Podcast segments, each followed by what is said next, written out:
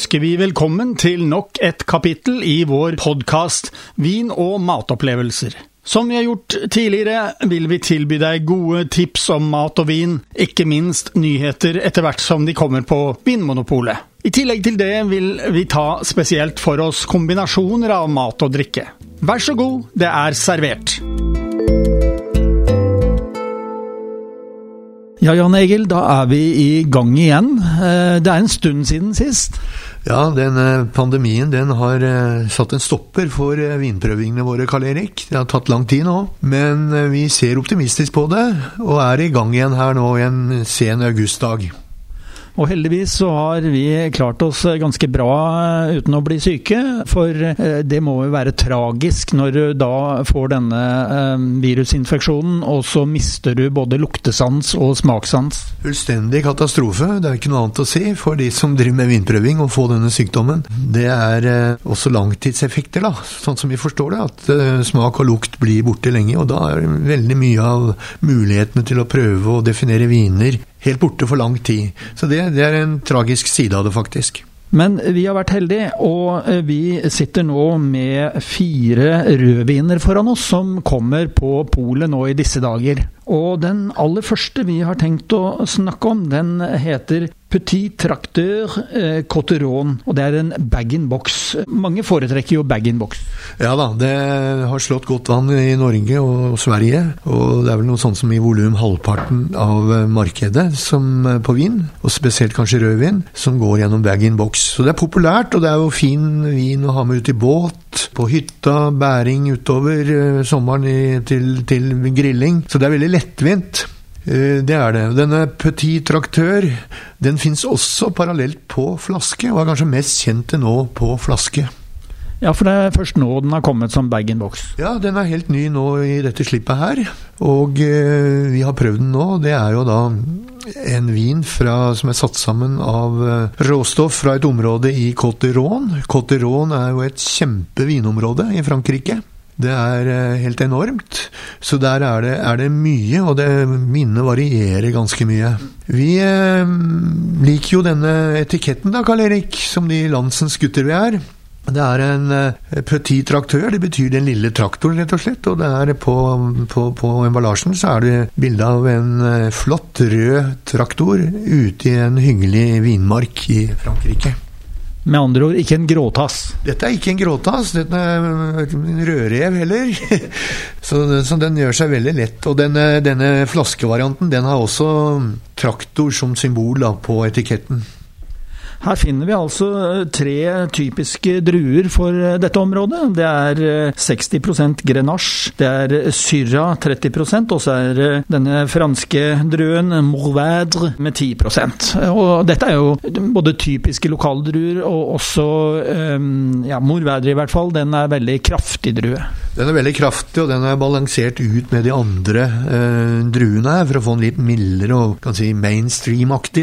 Dette er jo selvfølgelig en, en vin syns jeg som passer bra nå utover høsten. Den har litt dybde. Den, eh, den, er ikke for kraftig, som du er inne på. Den er liksom ikke sånn at eh, du skal være spesielt interessert for å, for å, for å drikke denne. Så det er absolutt en vin som vi kunne mm, rangere høyt i et, i et fornuftig prisleie også. Og prisen på den, det er 469 kroner for en eh, treliter. En treliter er jo da fire flasker. Så man får jo relativt mye vin for pengene her, sånn som verden ser ut i dag. Det vi hørte her, som vi kanskje kan også gjøre lytterne oppmerksom på, det er jo at det har vært et spesielt eh, vinproduksjonsår i år. Altså Veldig mange områder, spesielt i Frankrike, har fått en nedgang i volum, som nok vil føre til at prisene øker fra enkelte av disse franske områdene spesielt, men også i en del områder i Italia. Og I Frankrike så er det spesielt nevnt uh, Rhône-vinene, og det er uh, nevnt da vinene i uh, Bourgogne. Og Det er jo ikke akkurat billig fra før heller, så det blir vel sånn eh, enorm prisøkning, ble det antyda til oss, som vi hørte her nå for kort tid siden, på enkelte områder. Og underdekning, altså at det blir for lite vin i forhold til etterspørselen. Så det kan hende at det nå blir mangel på en del franske viner framover i polets hyller. Men da skal vi gå over til en vin fra Bordeaux. Eh, det området som kalles for Bordeaux superieur. Og det er en Chateau Le Grand Verdu eh, Bordeaux superieur. Det er en bag-in-box, det også? Ja. Og den er også eh, relativt greit prisa. Fire flasker her, skal vi se. Hvis jeg ser på prisen, så er det 485 kroner. Og det er jo ikke sånn uh, himmelropende dyrt for en bordeauxvin. Vi syns denne hadde godt preg av å være en typisk bordeauxvin. Og, og det er jo de typiske Bordeaux-druene, Cabernet Sauvignon og Merlot, i henholdsvis 40 eh, og 60% Ja, og jeg syns det skinner veldig mye mer lå igjennom her. Altså, og den er jo ganske bløt, fyldig. Men kan noen ganger rene melåviner syns jeg kan bli litt platte. Men med den blandingen som er her, så syns jeg absolutt ikke den var det, altså. Du får en uh, brukbar uh, karakter på den, og en uh, struktur. Ja, og som, som, man ikke sånn går veldig fort lei, på en måte. En, en sånn bag-in-box den skal jo stå på kjøkkenet eller stå, stå oppbevart noen uker. Og ofte, da, hvis det ikke er sånn som hjemme hos meg, at det går veldig fort ned, så, så er det sånn at man kanskje blir litt trøtt av vinen hvis det er sånn litt platt litt rund, litt død. Men det er ikke den, altså. Den har et sånn, litt sånn mer friskhet, mer, mer dybde i seg, enn noe av de rimelige melåvinene kan ha.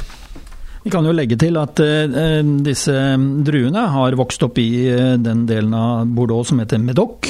Og for å si min mening, så syns jeg det var en fyldig og fin matvin. Ja, denne, den er, er typisk til mat. Denne går til rødt kjøtt også, vil jeg tro. altså. Fin høstvin, Fin matvin, anvendelig. Men jeg holdt på å si, da skal vi til Norge. Eh, vi skal vel egentlig ikke det, men vinen heter altså Monte del Fra Flåklypa rødvin.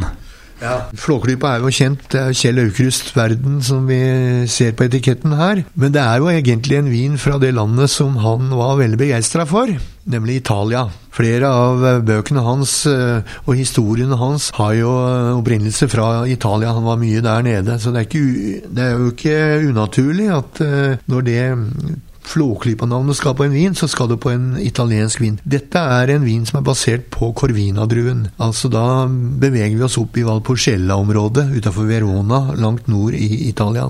Og den er jo egentlig altså Hvis jeg ikke hadde sett den etiketten, så hadde jeg tenkt at dette er jo en relativt normal eh, Valpolicella-vin. Sånn som vi kjenner kanskje en Valpolicella Classico, som selges i bøtter og spann rundt om i vinmonopolene i Norge. Det er en vin eh, som koster da 167 kroner flaska, og der er det ikke akkurat sånn at du betaler skjorta av det. Nei, det er jo ikke det. Skal jeg eh, gi et lite tips, så blir dette en eh, bestselger oppe i Tynset-Alvdal-området.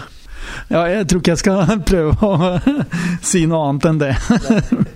Så skal vi til eh, Bourgogne-området, og det er en 100% Gamay-druevin. Og det er en Louis Latour Beaujolais Village Chameroy. Eh, Beaujolais, hvis du kan si noen ord om det, så er jo det kjent for å være relativt tanninløse. Lette, friske, anvendelige vinviner til f.eks. Eh, hvit fisk. Torsk er jo Beaujolais og torsk er jo en sånn klassiker blitt i Norge. Og det er på grunn av at det er lite tanniner som, som skrubber mot fisken. Mot proteinene i fisken, eggehvitestoffene. Jeg vil si det var en eh, veldig sånn typeriktig gamé-vin. Fordi eh, er det noe jeg har merket meg med den druen, så er det litt sånn saftig, litt, kanskje litt syltetøyaktig eh, i duft og smak. Den blir litt sånn bæraktig, og, og i fargen så er den ofte veldig lys.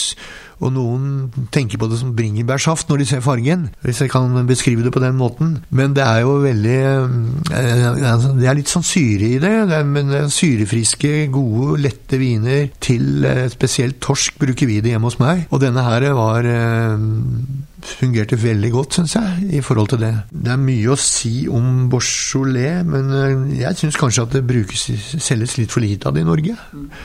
Et tips til lytterne kan jo være at, eh, og det tror jeg er lurt, nemlig å eh, senke temperaturen litt på den, så får den en fin struktur. Og det er jeg helt enig i. Den bør serveres litt kjøligere enn det vanligvis gjør med røde viner. Og da snakker vi om 180 kroner eh, på Vinmonopolet. Ja, det gjør vi. Det er ikke noe upris for den vinen der, faktisk.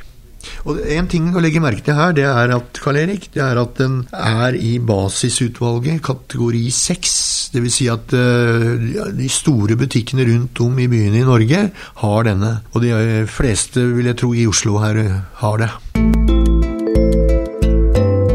Da har du fått dagens podkast fra Radio Riks Oslo om mat og vin. Hvis du ønsker å abonnere på den, slik at du får den automatisk når nye blir lagt ut, kan du gjøre det.